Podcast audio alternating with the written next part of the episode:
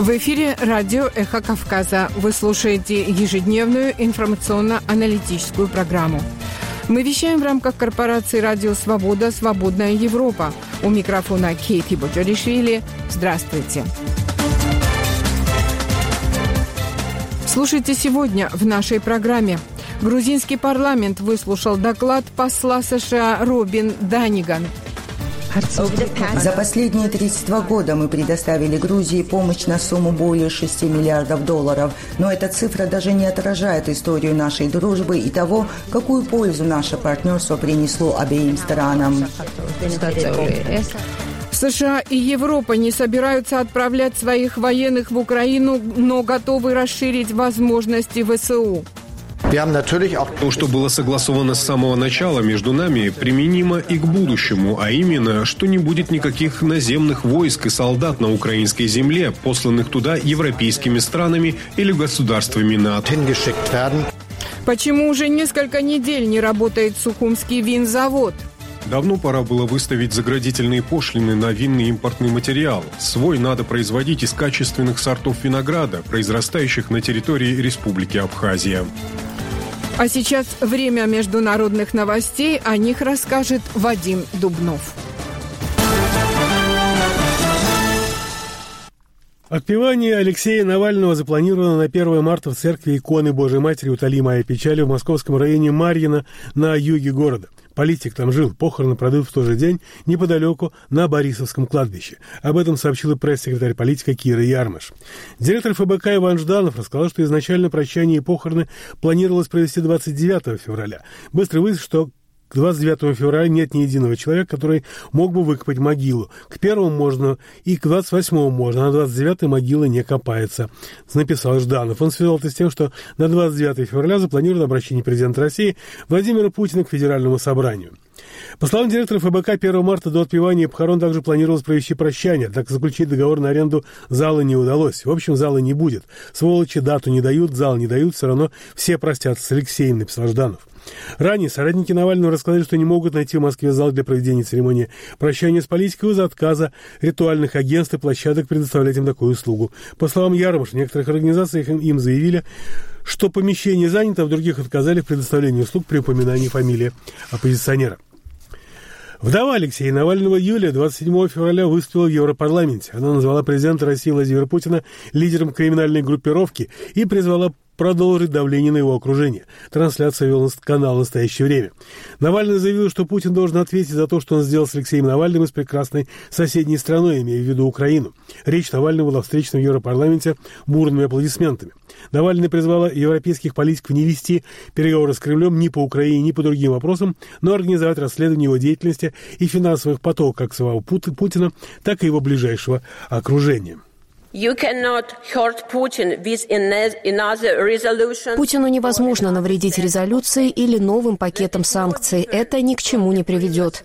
Путина невозможно победить, если считать, что он принципиальный человек, у которого есть мораль и который верит в правду. Он совсем не такой, и Алексей очень давно это понял. Вы имеете дело не с политиком, а с кровавым монстром. Путин — это лидер организованной преступной группировки. Путин an organized criminal gang. В среду в Европарламенте начались дебаты по проекту резолюции о смерти Навального. В тексте Европарламент называет гибель политика убийством, призывает российские власти не мешать в организации его похорон, а Евросоюз призвать к ответу ответственность за судебные процессы против политика, вынесенному приговора, его заключения и смерть. В проекте резолюции авторы призывают Евросоюз усилить поддержку российскому гражданскому обществу, не применять необоснованных мер против людей, ищущих убежество от режима Путина, и усилить поддержку Украины, в том числе военную. Евросоюзу нужно рассмотреть возможность использования доходов от замороженных российских активов на военные нужды Украины. Об этом заявила глава Еврокомиссии Урсула фон дер Ляйен. По ее словам, для этих средств не может быть лучшей цели, кроме как потратить их на усиление обороны Украины и всей Европы. В своем выступлении глава Еврокомиссии упомянула новую европейскую стратегию промышленной обороны, которую ее комиссия представит в ближайшие недели. По ее словам, одной из основных целей стратегии будет определение приоритетности совместных закупок. Эхо Кавказа. Новости. Российская Госдума приняла закон о запрете рекламы для иноагентов. Согласно документу, организациям будет запрещено рекламировать всех, кто призван, признан российскими властями иностранными агентами и рекламировать самим на их ресурсах. Нельзя охаивать страну за деньги из-за рубежа и собирать здесь средства от рекламы, заявил представитель Госдумы Вячеслав Володин. За нарушение запрета грозит штраф до 50 тысяч рублей для физических лиц и до 500 тысяч для юридических. Теперь крупные рекламные агентства планируют включать в договоры с площадками пункт, который позволит расторгнуть контракт в одностороннем порядке, если площадку объявят иноагентом. Также рассматривается возможность требования компенсации в случае признания, например, блогера иноагентом. В Великобритании арестован уже шестой гражданин Болгарии, подозреваемый в шпионаже в пользу России. Предположительно, все шестеро принадлежат к одной сети, которая работала в Британии с августа 2020 года. 38-летний Тихомир Иванчев был задержан контртеррористическим отделением полиции Лондона 7 февраля. Тогда суд отпустил его под залог. Сегодня Иванчев снова предстал перед судом, его, ему назначен арест, указанного в сообщении полиции. Ранее в рамках того же уголовного дела уже были арестованы пятеро граждан Болгарии, живших в Лондоне и Норфолке. Нью-Йорке. Суд над ними начался в сентябре 2023 года. По мнению следствия, они передавали России секретную информацию. Правоохранительные органы считают, что в шпионскую сеть входил также гражданин Австрии и другие лица, подробности о которых не указаны. Трем из арестованных болгар предъявлено также обвинение в использовании поддельных документов. С международными новостями был Вадим Дубнов. Региональный выпуск в середине часа.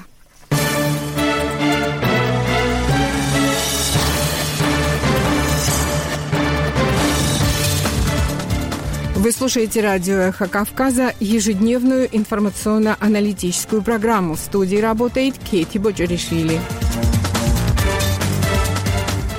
Переходим к темам дня – Впервые посол США в Грузии Робин Данниган предстала с отчетом перед грузинскими парламентариями. В десятиминутном докладе об основных аспектах стратегического партнерства двух стран и внешней политики США посол Данниган назвала основные приоритеты администрации президента Джо Байдена в отношениях с Грузией.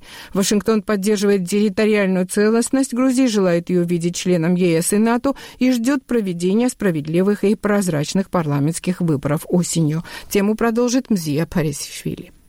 Есть такая традиция в грузинском парламенте – приглашать послов дружественных стран с докладом, а потом в закрытом режиме задавать вопросы, напомнил депутатам глава комитета по внешним связям Николас Самхарадзе. Сегодняшняя гостья вызвала особый интерес. Робин Даниган, посол США, главного стратегического партнера страны. Вступившая в свои полномочия в октябре прошлого года, она впервые предстала перед грузинскими парламентариями в таком формате, с учетом не совсем гладких отношений между грузинской мечтой и ее предшественницей Келли Дегнан – а также предстоящих парламентских выборов и других геополитических и экономических вызовов, выступлению посла Даниган и ответам на вопросы депутатов придавалась особая значимость. Перед тем, как дать слово американскому послу, председатель комитета Николас Самхарадзе напомнил, что страну США связывают 30 лет сотрудничества и 15 лет стратегического партнерства. Депутат правящей силы Самхарадзе посчитал нужным отметить, за что в Грузии особо благодарны США.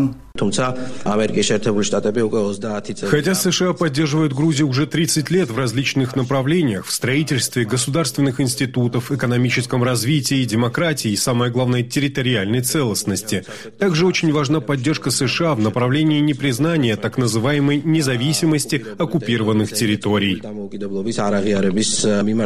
С числами точнее было в своем выступлении посол Робин Даниган, отметив в самом начале своей речи, что Вашингтон сотрудничает с Тбилиси 1932 года, а помощь американского народа грузинскому измеряется не одним миллиардом, что позволяет ей утверждать, что у Грузии нет сильнее сторонника, чем США.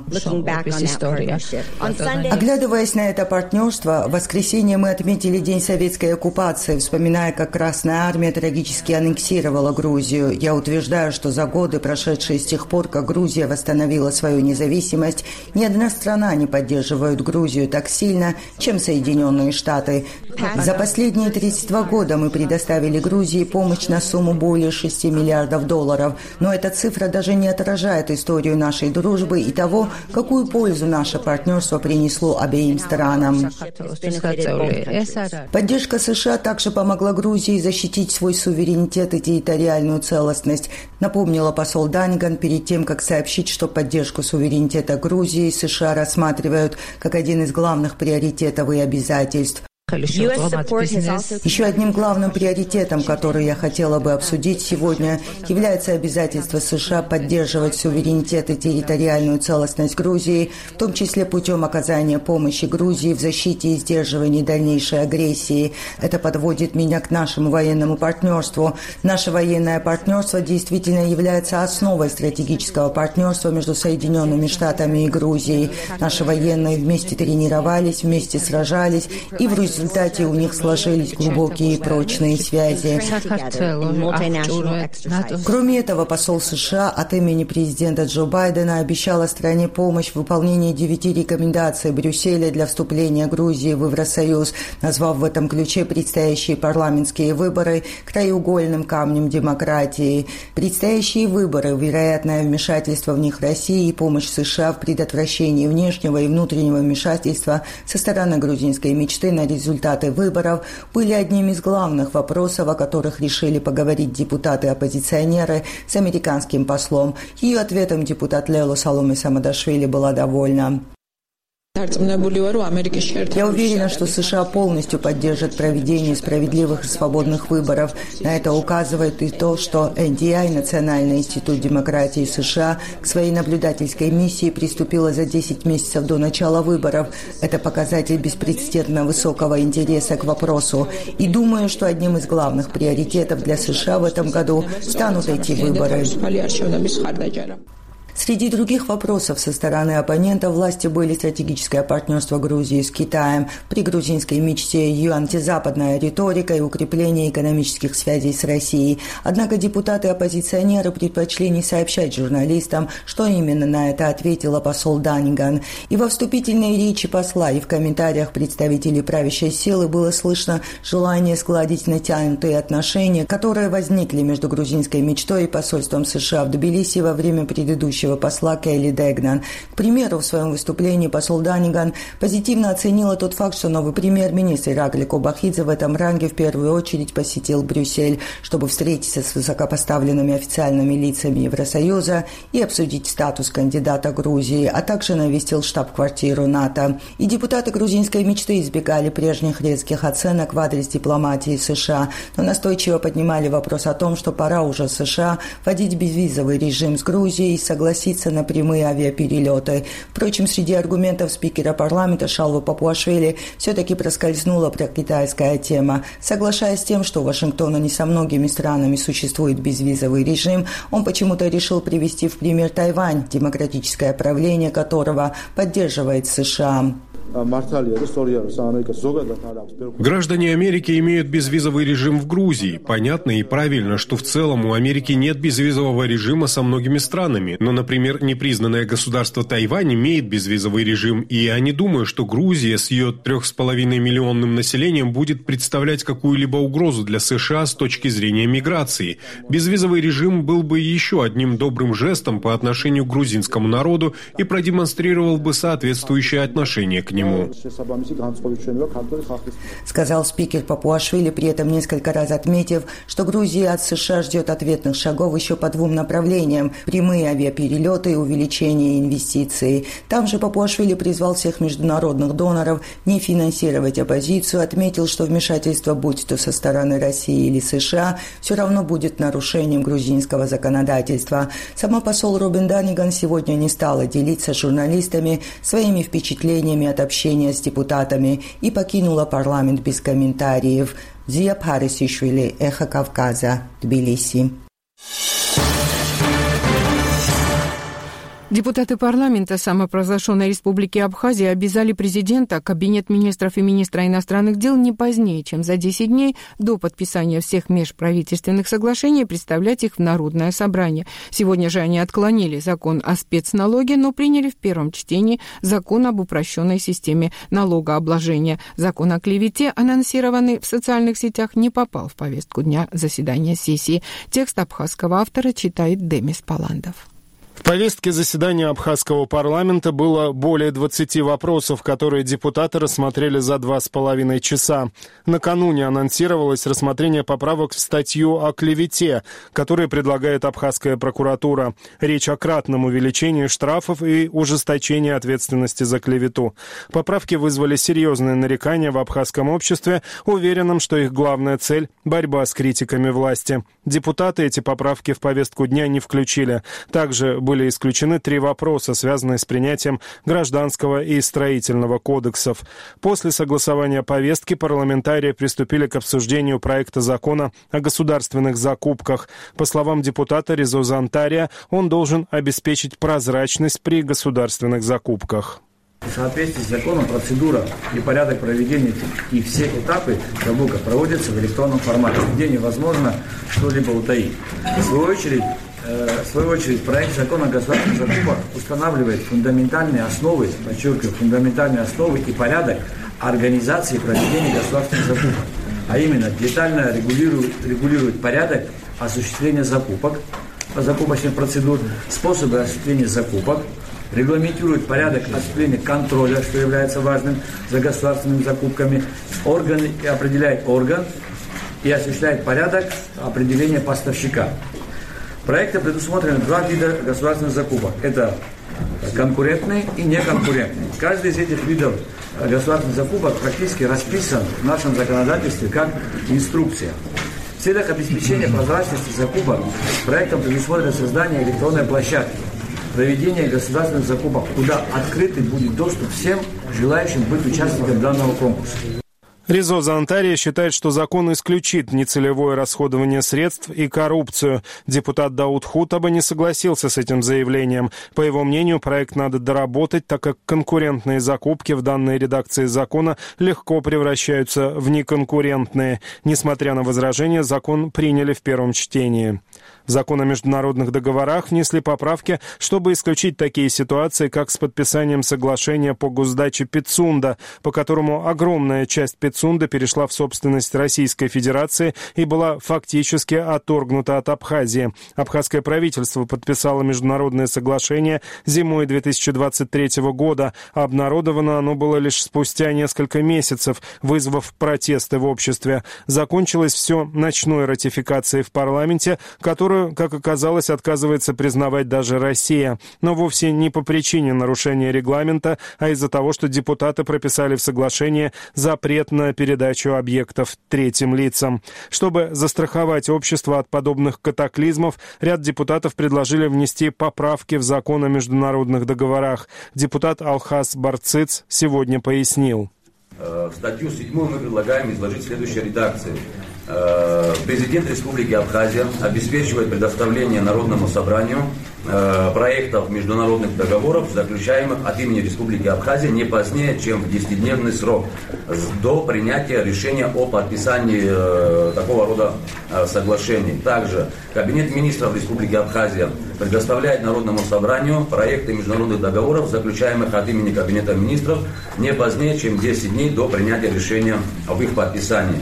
Министерство иностранных дел Республики Абхазия предоставляет собранию проекты международных договоров международного межведомственного характера не позднее, чем 10 дней до принятия решения об их подписании.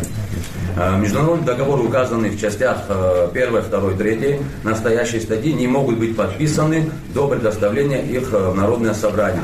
Э, в действующем законе, в действующей редакции у нас, значит, статья 7 гласит о том, что Министерство иностранных дел предоставляет информацию Народному собранию парламента Республики Абхазия в том случае, если о, о заключенных уже договорах и соглашениях, в том случае, если парламент направляет запрос по определенным видам соглашений.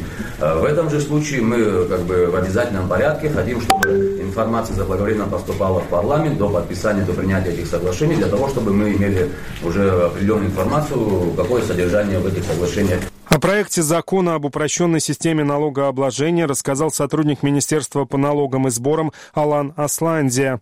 Ставка налога привязана к суммарной валовой выручке. Она составляет 6%, если доход не более 5 миллионов рублей, и 8% при превышении лимита. Отчетность для граждан максимально упрощена. Налоговое ведомство уверено, что после принятия закона будет видеть всех сотрудников и их реальные зарплаты. Увеличатся поступления во все внебюджетные фонды фонда. Закон поддержал Дмитрий Маршан, который проинформировал, что в странах, где он действует, поступления в бюджет кратно увеличиваются, но он не согласился с единой ставкой налога для всех видов деятельности, так как прибыль у всех разная. Депутаты приняли закон в первом чтении. Законодатели внесли изменения в законодательные акты в сфере э, государственной регистрации актов гражданского состояния и наделили потомков махаджиров правом на восстановление абхазской национальности и фамилии и облегчили облегчили репатриантам получение абхазских паспортов.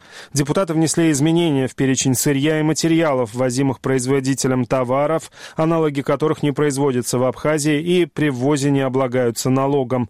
В него добавили растворимые морские продукты и продукты из морских млекопитающих, оцинкованную рулонную сталь и проволоку из железа и нелегированной стали, Сухумскую кондитерскую фабрику и имущественный комплекс бывшей гостиницы «Амткел», включили в перечень объектов, подлежащих приватизации. Текст абхазского автора читал Демис Паландов.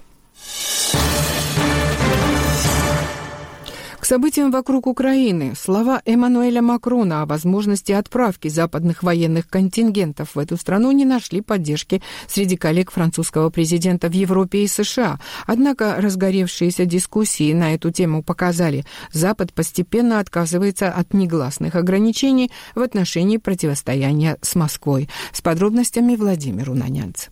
Нога европейского солдата не ступит на территорию Украины. Лидеры западных государств категорически отвергли предположение президента Франции Эммануэля Макрона, не исключившего подобный сценарий по итогам Парижской конференции, на которой обсуждались дальнейшие шаги Запада в вопросе разработки механизма бесперебойной помощи Украине. Сегодня вечером все обсуждалось свободно и прямо. На сегодня нет консенсуса о том, чтобы отправить войска на землю официальным, одобренным всеми способом. Но в динамике ничего исключать нельзя. Мы сделаем все, чтобы Россия не смогла выиграть эту войну.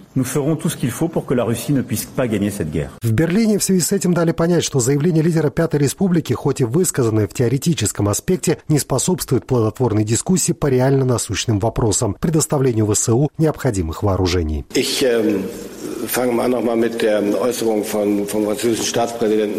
Позвольте мне начать с заявления президента Франции Макрона. Сапог немецкого солдата на украинской земле – это не вариант для Федеративной Республики Германия. Это не может быть вариантом и не будет вариантом. Чтобы было предельно ясно, я не рассматриваю это как призыв к эскалации. Я рассматриваю это как пищу для размышлений со стороны президента Макрона. Но очевидно, что нам следует сконцентрироваться на самом главном – наращивании производственных мощностей в сфере ПВО и пополнении артиллерийских боеприпасов. Это сейчас основные задачи по Украине. Сделать все, что поможет ей удержать свои позиции в этой оборонительной кампании и чтобы иметь возможность в какой-то момент снова продвинуться вперед. Все остальное, на мой взгляд, в данный момент не очень помогает в этой дискуссии. Заявил министр обороны Германии Борис Писториус. Недоволен высказываниями французского коллеги канцлер Германии Олаф Шольц напомнил Эммануэлю Макрону, что европейские страны изначально договорились между собой о невмешательстве в войну в Украине. Wir haben natürlich auch darüber diskutiert, wie wir diese Unterstützung insgesamt ausgestalten und dabei То, что было согласовано с самого начала между нами, применимо и к будущему, а именно, что не будет никаких наземных войск и солдат на украинской земле, посланных туда европейскими странами или государствами НАТО. Keine Soldaten auf ukrainischem Boden geben wird, die von europäischen Staaten oder von NATO-Staaten dorthin geschickt werden. Париже постарались смягчить критику со стороны партнеров. Глава МИД Пятой Республики Стефан Сежурне заявил, что президента Макрона неправильно поняли. По словам министра, французский лидер не имел в виду непосредственно участие солдат стран ЕС в боевых действиях. Мы должны рассмотреть новые действия по поддержке Украины. Они должны отвечать очень конкретным потребностям. Я имею в виду, в частности, разминирование, киберзащиту, производство оружия на месте на украинской территории. Некоторые из этих действий могли бы потребовать присутствия военных на территории Украины, не переходя порог боевых действий. Ничего исключать нельзя. Такой была и остается позиция президента республики. Во-первых, именно Россия является агрессором по отношению к Украине. Не Украина сегодня является агрессором по отношению к России. И не Россия должна указывать нам, как мы должны помогать Украине. В Москве на слова Эммануэля Макрона ответили очередными угрозами, дав понять, что подобный шаг будет расценен Кремлем как повод к неизбежной глобальной войне с Западом. Сам факт обсуждения возможности направления неких контингентов на Украину из стран НАТО, это, конечно, э, очень важный э, новый элемент. Все остальные элементы э, в выступлениях президентов Франции так, Франции так или иначе уже озвучивались. Мы все их уже принимали к сведению. Э, нам хорошо известна позиция господина Макрона относительно необходимости нанесения России стратегического поражения э, и так далее и тому подобное. Но что касается, эм, мы обратили внимание на то, что вот тема направления военных на Украину действительно обсуждалась. В этом случае уже нужно говорить не о вероятности, а о неизбежности. Вот так и оцениваем. И также должны оценивать эти страны, отдавать себе в этом отчет. И задаваться вопросом, соответствует ли это их интересам, а главное интересам граждан их стран. Заявил пресс-секретарь президента России Дмитрий Песков. Впрочем, угрозы со стороны Москвы, очевидно, были излишними. Идею недопущения победы России ценой прямого военного вмешательства стран Запада сходу отмели и в Вашингтоне. Представитель Совета нацбезопасности США Джон Кирби напомнил, что против такого варианта развития событий выступает как президент Байден, так и генсек НАТО Столтенберг. Но это суверенное решение, которое каждый союзник НАТО должен будет принять для себя сам. Вы слышали, как генеральный секретарь Столтенберг заявил, что нет планов или намерений, особенно под эгидой НАТО, вводить туда войска Альянса. И президент Байден кристально ясно дал понять с самого начала этого конфликта. Там, в Украине, на театре боевых действий американских войск не будет. Вместо этого в Вашингтоне считают необходимым восстановить предоставление военной и финансовой помощи Украине в прежнем объеме, а на следующем этапе задуматься об увеличении ее объемов. Так, президент США Джо Байден в очередной раз постарался убедить лидеров Конгресса без альтернативности одобрения законопроекта, который позволит Украине удержать позиции и подготовиться к новому наступлению. Я думаю, что последствия бездействия в Украине ужасны. Я разговаривал с некоторыми из наших партнеров по G7, и они очень обеспокоены. И так необходимо государственное финансирование. И если отбросить шутки в сторону, я думаю, что ответственность за финансирование правительства лежит на Конгрессе. Свой выход из ситуации, когда союзники Украины сталкиваются с проблемой дальнейшего финансирования военных закупок для ВСУ, предлагает президент Еврокомиссии. Урсула фон дер Ляйен считает, что настало время воспользоваться замороженными на Западе российскими активами. В самом Киеве не стали напрямую вмешиваться во внутреннюю дискуссию Запада относительно приемлемости ввода на территорию Украины какого-либо военного контингента. Однако президент Зеленский подчеркнул, что лишь общими усилиями можно добиться победы в войне. Я думаю, что все мы должны подготовиться. К чему? Сейчас речь не о том, что хочешь мира, готовься к войне. Это подготовка к следующим шагам Путина. Если не все из нас хотят дать ему отпор, это означает, что нам нужно подготовиться. Мы благодарны Соединенным Штатам за их лидерство в это время, а также европейским партнерам. Но сегодня важно просто быть сильными, потому что у нас нет времени, у нас нет другой альтернативы, потому что всем нам сейчас приходится иметь дело с убийцей. Просто убийцей. Да, это Гитлер, часть вторая. Гитлер, part two. В том, что привычные стратегии не работают, уверена и вдова российского оппозиционера Алексея Навального. Выступая в Европарламенте, Юлия Навальная заявила, чтобы победить президента России Владимира Путина, европейские политики должны использовать инновационную тактику. If you really want to defeat Putin,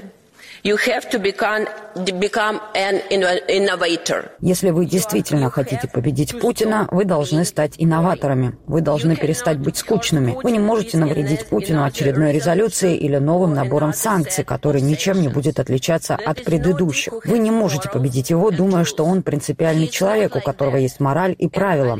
Он не такой, и Алексей это давно понял. Вы имеете дело не с политиком, а с кровавым монстром. Uh, you are not dealing with a politician. И, похоже, западные политики постепенно склоняются к инновационному подходу в отношении России. Несмотря на то, что большинство стран НАТО поспешили дезавуировать заявление Эммануэля Макрона относительно отправки в Украину западных военных контингентов, прозвучавшее из его уст еще одно заявление относительно коалиции по предоставлению ВСУ дальнобойных ракет, способных поражать цели на территории России, никто опровергать не стал. Судя по всему, негласные ограничения, которые все эти годы соблюдались в отношениях России и НАТО, потихоньку отменяются. Владимир Унанянц для «Эхо Кавказа», Тбилиси.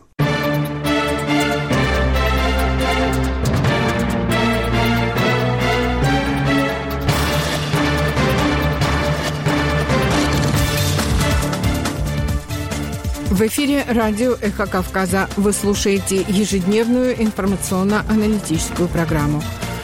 Время краткого регионального выпуска новостей, который представит Вадим Дубнов. Мы знаем, что значит жить рядом с империей, которая никогда не перестанет быть империалистической, заявил президент Грузии в интервью британскому телеканалу Sky News. Так Саламе Зарвишвили ответил на вопрос ведущий о том, ощущает ли правительство страны давление со стороны России и какой совет может дать Грузия Украине, воюющей с Российской Федерацией. Говоря о влиянии России на Грузию, Саламе Зарвишвили отметила, что в преддверии парламентских выборов в стране есть спасение того, что Москва вмешается в процесс голосования и развяжет гибридную войну. Саламе Зарбишвили также ответил на вопрос о несостоявшемся импичменте, инициированном в прошлом году грузинской мечтой из-за встреч с европейскими лидерами, не согласованных с грузинским правительством. Президент отметил, что и визиты стали одной из причин предоставления Грузии статуса кандидата в Евросоюз. Партия Гирчи выступает с инициативой проведения масштабной амнистии в Грузии. Соответствующий законопроект уже внесен в парламент. Он не коснется реализаторов тяжелых наркотиков, однако в случае утверждения проекта будет смягчено наказание для обвиненных в хранении особого крупного количества марихуаны, либо они будут полностью освобождены от отбывания наказания. Инициатива также коснется отбывающих пожизненный срок заключения и арестованных за должностные преступления. В целом, проект, представленный лидером партии Гирчи Ягохвичи, касается примерно пяти тысяч заключенных. Кроме того, согласно этой инициативе, срок наказания всем заключенным будет снижен на четверть. Часть оппозиции отмечает, что в случае принятия проекта он с большой вероятностью коснется и экс-президента Грузии Михаила Саакашвили, осужденного в частности за превышение должностных полномочий. Однако может ли он выйти на свободу в результате амнистии, не сообщается. Члены Лело называют проект крайне опасным, не несущим блага обществу. Напомню, что в начале февраля новый премьер-министр Грузии Ракли Кабахидзе заявил, что максимальное количество заключенных для Грузии 5,5 тысяч человек. Согласно отчету Совета Европы за 2022 год, по количеству заключенных на душу населения Грузия занимает второе место в Европе с 9389 заключенными. Основатель телекомпании «Мтавари» Ника Гварами отказался от доли и должности генерального директора канала. Документы для регистрации этих изменений были внесены в публичный реестр, сообщила грузинская служба «Радио Свобода». Если ведомство зарегистрирует эти изменения, гендиректором канала станет Георгий Габуни, который исполнял обязанности гендиректора с момента ареста Ники Гварами. С кратким региональным выпуском новостей был Вадим Дубнов. Эхо Кавказа.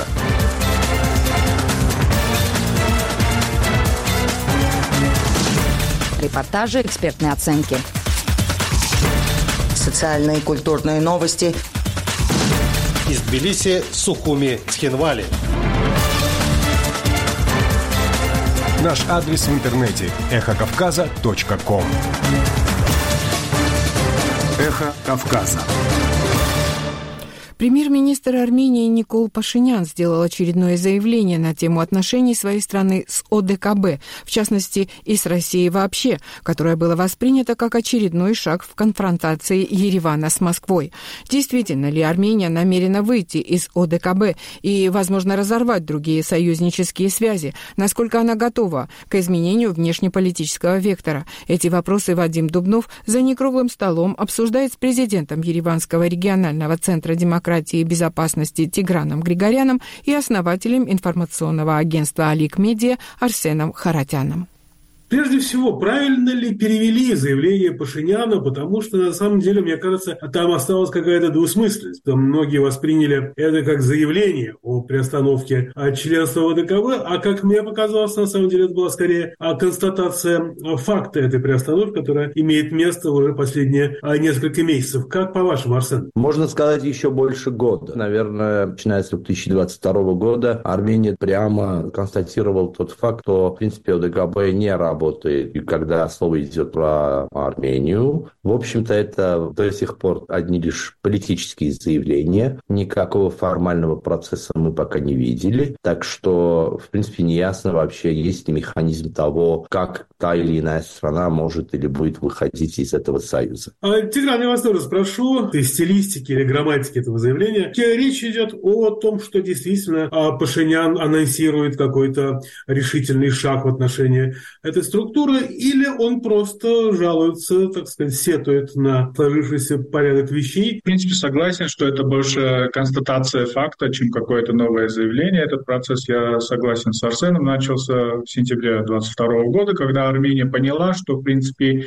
те механизмы безопасности, которые должны были действовать э, в случае атаки на территорию Армении, они действуют. Армения начала процесс диверсификации своих отношений, внешнеполитических отношений и отношений в сфере безопасности, безопасности. И вот эта де-факто заморозка членства в ОДКБ началась именно с этого момента, когда Армения начала бойкотировать свое участие в организации. Помним, что Пашинян не подписал финальное заявление саммита ОДКБ в Ереване. Ереван демонстративно отказывался и отказывается от участия, например, в военных учениях ОДКБ. Ереван отказался от, от квоты на должность заместителя генсекретаря ОДКБ. Проблема вот этих интервью Пашиняна западным изданиям состоит в том, что очень часто контекст пропадает в этих интервью. То есть он говорит что-то, что очень хорошо известно внутри Армении, но внешней публики все эти нюансы, конечно, неизвестны, и поэтому вот делаются такие выводы. Очень часто такие заявления становятся заголовками вот этих интервью или публикаций, и вот они создают такую ситуацию, когда появляется вот такая дипломатическая напряженность. Арсен, а действительно появляется дипломатическая напряженность? В Москве действительно воспринимают это так чувствительно и, и нервозно, или, в общем, это как бы такое изображение чувствительности и нервозности с пониманием того, что это скорее внутриполитические акции? Я думаю, что воспринимается это, конечно, нервозно. Хотя я не уверен, что более нервозно воспринимается. Скажем, адаптирование Римского статута или поездка э, супруги Пашиняна в Украину, или, скажем так, сейчас обсуждается вопрос пограничников ФСБ из аэропорта Звартнуц, вы, вывез этих пограничников. Я не знаю, что более нервозно воспринимается. Столько всего происходило за последние месяцы или два года, что... Но факт в том, что это, в принципе, понятно, что российский клуб где э, до какого-то периода Армения якобы получала какие-то льготы на вооружение, но и есть, конечно, двухсторонние договоренности с Россией и по направлению обороны, где еще э, таких больших изменений не наблюдалось. В контексте ОДКБ мы не только ничего не получали, какая разница тогда, зачем оставаться в этом клубе? Тигран, Арсен уже расширил э, тему нашего разговора. Заявление по ОДКБ было интересно скорее даже не самим, не самой темой ОДКБ, а тем, что она вошла в этом тексте в резонанс а с другими обвинениями России и в том, что Пашиняна пытались свергнуть, и была вспомнена история с Ситраковым. Почему именно сейчас и именно в Париже Пашинян решил собрать воедино, по-вашему, все это в единый букет, а все эти претензии? Мне кажется, это не новый феномен. То есть Пашинян делает такие заявления, и этот процесс начался после окончания Второй Карабахской войны. Мысль идет черным по белому, что Россия, например, виновата в нашем нашим поражением в 2020 году. Эти претензии, говорит об этих претензиях на протяжении последних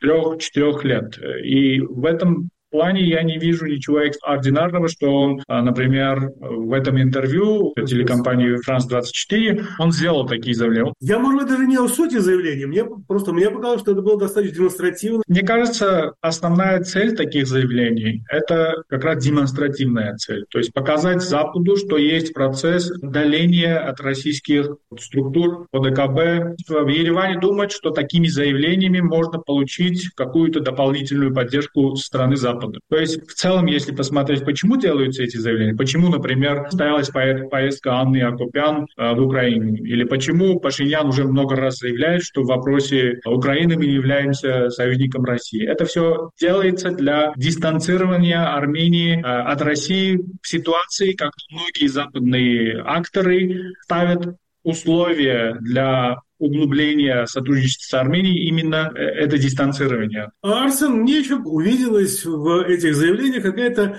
ну, такая же нарочитая недоговоренность. Когда э, Пашинян говорит о Сетракове, он говорит об этом э, спустя полгода после того, как это случилось, и поезд, в общем-то, ушел. Когда идет речь об, ОДКБ, мы еще раз подчеркиваем, что речь идет о констатации, о, а не о выходе. А когда сейчас идет, уже сейчас речь не об интервью даже, когда речь идет о выводе российских пограничников из Звартноса, а не идет речь о выводе российских пограничников вообще. А Звартноса, ну, не самое впечатляющее место их пребывания. Это работает на версию Тиграна о том, что это скорее демонстративные какие-то а, символические шаги, или есть в этом какая-то реальная а, ну, политическая подкладка? Ну, я не соглашусь с тем, что Звартнуц – это не самое демонстративное место. Мы блокированы со стороны Азербайджана и Турции. Единственная другая граница, которая, где русские пограничники стоят до сих пор, это граница с Ираном на юге, а на севере это единственная граница Армении, где русских пограничников нет. Визуально или с точки зрения оптики это довольно-таки серьезно воздействует. Вы представьте, европеец или американец или кто-либо другой, который прилетает в Армению, и вот на границе их встречают какие-то русские ФСБ. Это очень серьезная тема, и не раз я в то время, еще лет 20 назад работал в области туризма, это первый вопрос, который задавали. Так что я бы не рассматривал это таким символическим шагом. А тут еще есть, конечно, политическая правовая база. Есть, э, как вы знаете, значит, российская вторая база в Гюмри, там а, работает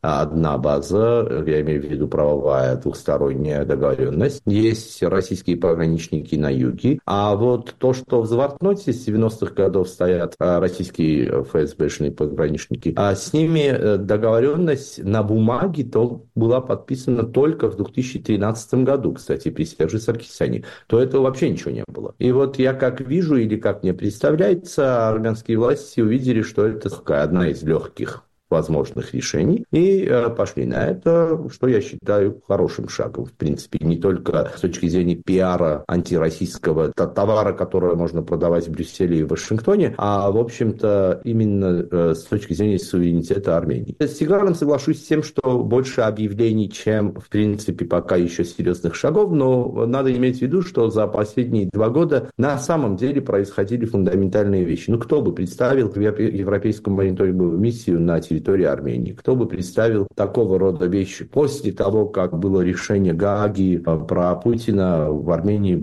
ратифицировали Римский статут. Наверное, один из самых важных заявлений, которое было сделано, это еще в прошлом году в Страсбурге в, в заявлении Пашиняна о том, что Армения согласна интегрироваться с Европой до того уровня, до какого Европа может, э, будет считать возможным. Тигран, насколько системно эта попытка отдалиться от России и э, сблизиться с Западом, если я правильно понимаю, все-таки два разных процесса, да, и две разных а, технологии. И в какой степени они ситуативны, действительно завязаны на карабахский сюжет. А если сейчас что-то изменится, гипотетически, да, скорее всего, нет, да, есть объективные предпосылки, но если бы, фантазируем, что-то изменилось в карабахских подходах Москвы, а все это было бы забыто или это уже а, все-таки достаточно необратимый процесс? Ну, к сожалению, нужно отметить, что карабахская страница уже закрыта, и уже от подходов Москвы, можно сказать, сказать, ничего не зависит на, этом, на данном этапе. Я все-таки не соглашусь э, с ремарками Арсена про то, что это какие-то фундаментальные шаги, которые имеют под, под собой какую-то стратегию.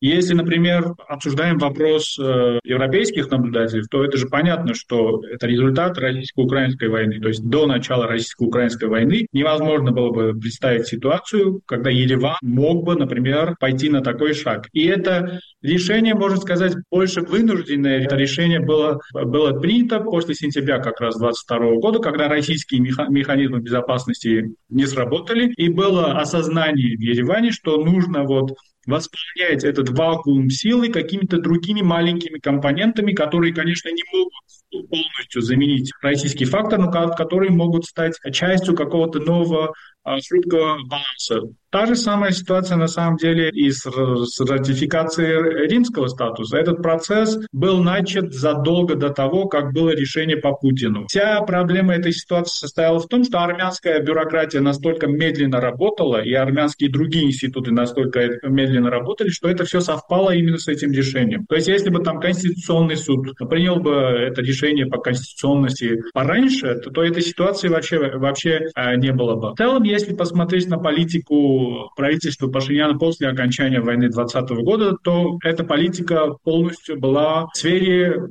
российских представлений. После, на самом деле, в конце Второй Карабахской войны Россия уже на, начала расползаться на юг в военном смысле, когда Россия получила, в принципе, военное присутствие в Сюнике, в других регионах Армении. Было решение об отправке войск в Казахстан, и в котором Пашинян принимал очень, очень активную роль. Он даже называл это активизацией инструментов ОДКБ, то есть даже ставил это как, как какую-то заслугу. Что касается заявления о том, что мы готовы интегрироваться э, в Европу, насколько Европа захочет, мне кажется, это как раз говорит о том, что нет никакой четкой политики, никакой четкой цели, потому что процесс евроинтеграции – это прежде всего решение государства, которое хочет интегрироваться. Европа вместо тебя не будет принимать решения и не будет говорить, насколько ты должен интегрироваться или нет. Между прочим, из той же серии заявлений о том, что мы не выходим из ОДКБ, но ОДКБ выходит из нас, из Армении. Что, что это означает, никто до сих пор не знает и никто не объяснил. Это в целом вот такие роды заявления показывают, что какой-то четкой стратегии нет. Нет ответа на вопрос, куда мы движемся, почему мы движемся, движемся ли мы куда-нибудь или нет. А в Москве это понимают? В Москве, мне кажется, много, много чего не понимают. Это, мне кажется, проблема политических режимов, которые существуют в Армении и России, потому что они очень разные, и они разговаривают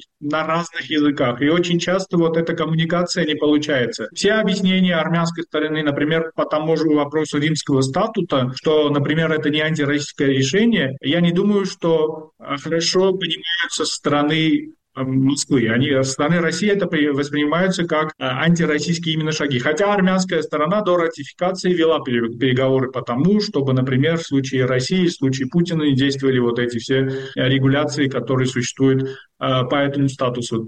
Поэтому я думаю, что нет, не понимают, но есть и другая ситуация, что, конечно, сейчас у России недостаток ресурсов на Южном Кавказе, и те шаги, которые могли бы быть приняты, например, до начала войны в Украине, если бы Армения пошла бы на такие шаги, сейчас, конечно, они не могут принимать такие шаги, даже если посмотрим на э, экономические инструменты давления. Сейчас есть, конечно, какие-то сигналы, а вот эта вся ситуация с Джермуком и до этого э, проблемы с Э, с импортом э, каких-то видов э, товаров. Ну, Россия сейчас понимает, что даже такие страны, как Армения, очень важны в плане экономического взаимодействия, и поэтому нет никаких резких шагов. Арсен, насколько велик еще ресурс дальнейшего отдаления Армении от России? Что еще она может сделать? И, сможет, и можно ли ожидать действительно каких-то конкретных шагов, а не таких вербальных акций? А, и каковы риски, с другой стороны? Многое всего еще может произойти. Мы дойдем до этого. Я просто просто, просто ремарка по поводу того, что Тигран сказал. Все правильно о том, что, конечно, многое начало происходить после украинской войны. Это может быть связано, и по всей вероятности так и есть. Но я говорю о том, что невозможно было представить года три назад, чтобы, или два года назад даже, чтобы армянские власти открыто заявляли о том, что они заинтересованы в вовлечении других либо э, систем безопасности. После этого еще были визиты, э, наверное, за последние год или два в Армению приезжало больше западных высокопоставленных политиков, чем когда-либо за историю Армении. но это не замена системы безопасности. Понятно, но это разговор о том, как мы это будем делать. Система безопасности не меняется за день. И это не только про амуницию и оружие, что тоже происходит. Вы знаете, индийский канал, где у нас тоже есть проблемы с транспортацией. Везде, на самом деле, одна из самых больших проблем. Кроме того, что вот бывают договоренности о том, что будут те или иные амуниции от той же, той же Франции, тут логистика и перевозка становится следующей проблемой. Но об этом можно говорить потом. Что еще может произойти? Может произойти а, альтернативная энергетическая система в Армении на, именно с точки зрения маленьких атомных станций по договоренности с американцами. Этот разговор тоже идет, как вы помните. И договоренности об этом были еще в 2022 году. И я как вижу, тут какой-то прогресс намечается, что означает, что если даже не в ближайшем будущем, то такая альтернативная система энергетики, в принципе, может произойти в Армении. Второе, что интересно, это, конечно, до сих пор надо знать, что зависимость Армении от, от российского газа специфически, она ну, самая высокая, наверное, в регионе. Скажем, если Грузия больше зависит от азербайджанского газа, мы, э, в принципе, полностью на сегодняшний день зависим от российского газа. Там могут быть какие-то изменения, какие они могут быть, я не знаю. А технологически это возможно при доминировании «Газпрома» на территории Армении? В первую очередь, я бы хотел, чтобы э, с Россией и по поводу газа у нас были именно рыночные рыночные отношения, пусть цены на газ будут столько, сколько они на самом деле есть, и мы сами решим, откуда и как а, покупать газ. А, есть вопрос импорта и экспорта. Тут, конечно, в сезон, когда мы вывозим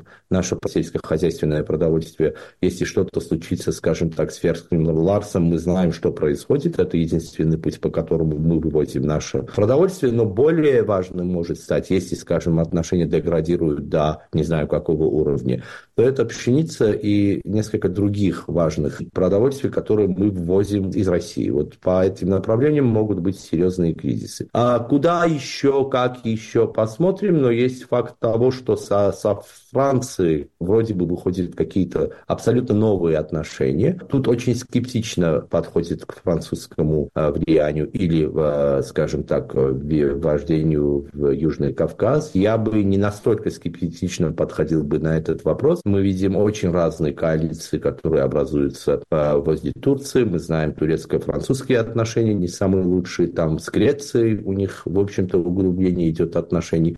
Одновременно те американские базы которые были вывезены из Турции, в принципе, на Средиземном море, именно на греческих э, территориях с, французской, с французской кооперацией. Сегодня Пашинян в Греции, да, скажем так, после Франции полетел в Грецию. Святое место пусто не бывает. Если Россия на самом деле уходит, хотя бы или на, на, на, на сегодняшний день ослабляется или ослабилась до такого степени, что появляются новые силы, они появляются очень быстро, и а, по этому направлению прямо видно, что происходит. Тигран, насколько велики и существуют ли внутриполитические риски в вопросе отдаления от России. Насколько важен здесь фактор но дефицита, скажем так, популярности самого Пашиняна для подобного разворота? На самом деле я не думаю, что все-таки в ближайшем будущем будут какие-то фундаментальные шаги в этом направлении. Я, как уже сказал, конечно, в России очень нервно ко всему этому реагирует, но мне кажется,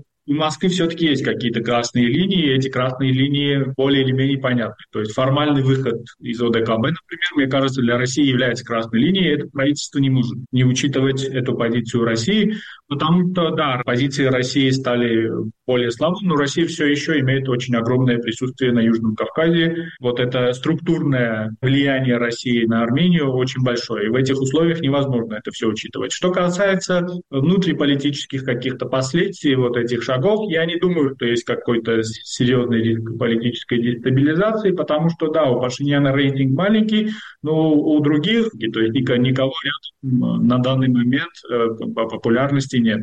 То есть оппозиция, вот, которая сейчас существует, она, в принципе, содействует сохранению режима э, Никола Пашиняна и сохранению какой-то э, стабильности. В этом плане я не думаю, что у России есть какие-то серьезные рычаги для дестабилизации ситуации э, внутри страны, потому что общественное мнение тоже очень сильно поменялось с момента окончания войны, Второй Карабахской войны после сентября 22 года и после этнической чистки на Горном Карабаха. Сейчас общественное мнение по поводу России очень рекордно низко. И тот факт, что Россия может, например, кого-то поддерживать, это скорее отрицательный фактор, а не позитивный для этой политической силы. Гостями некруглого стола были армянские политологи Арсен Харатян и Тигран Григорян. Вел некруглый стол Вадим Дубнов. Некруглый стол.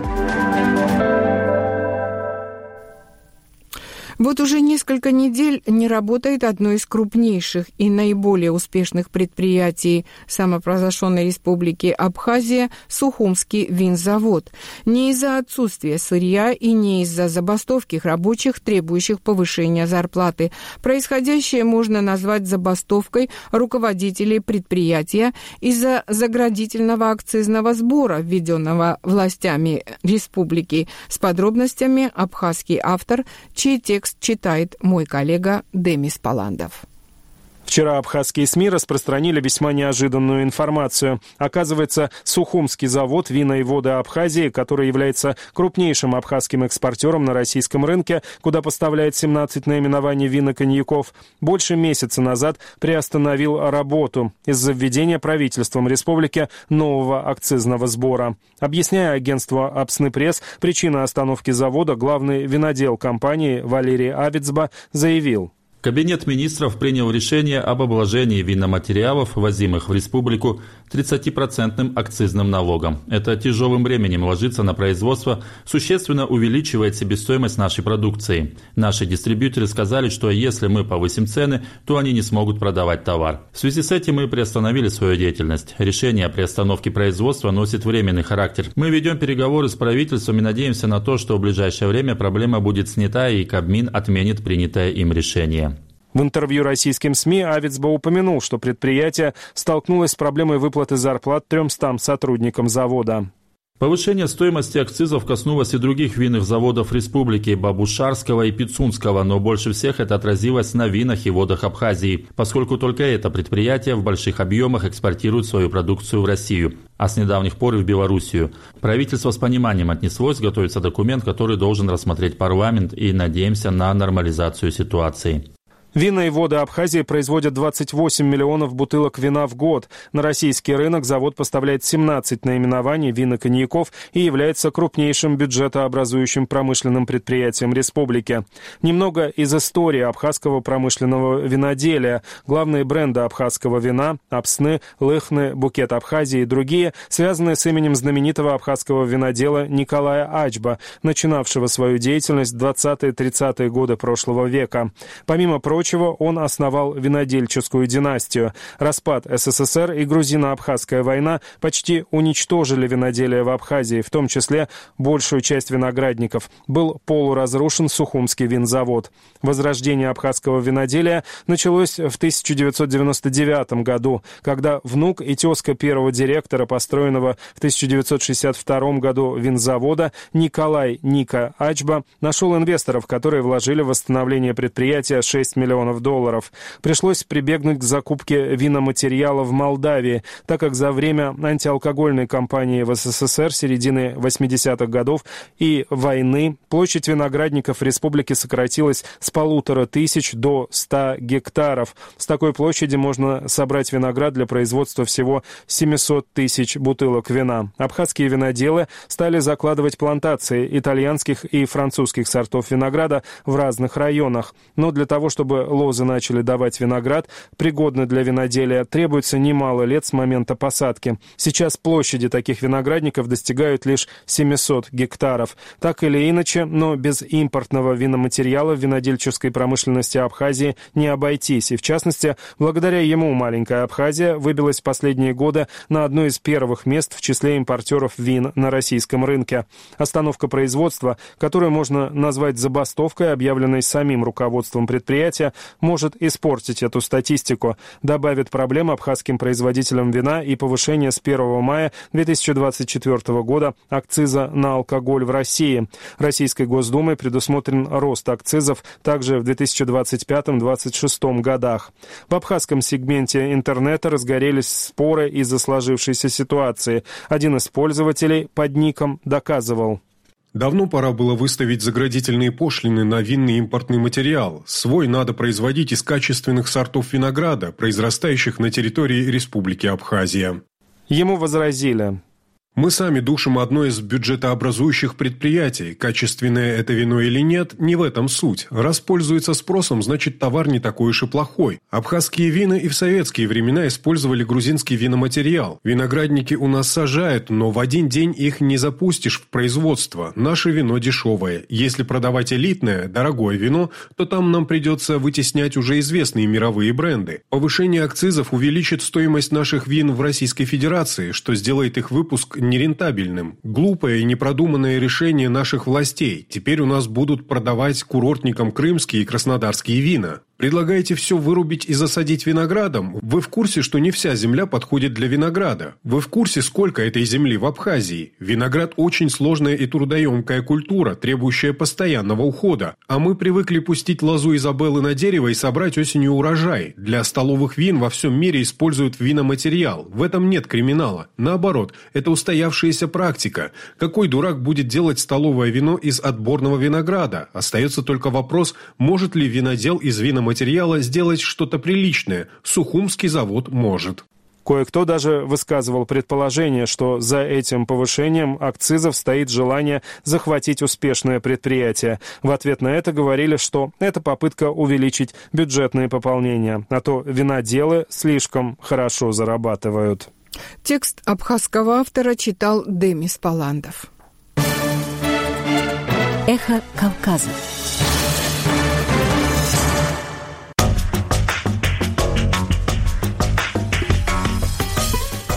Вы слушали информационно-аналитическую программу на радио «Эхо Кавказа».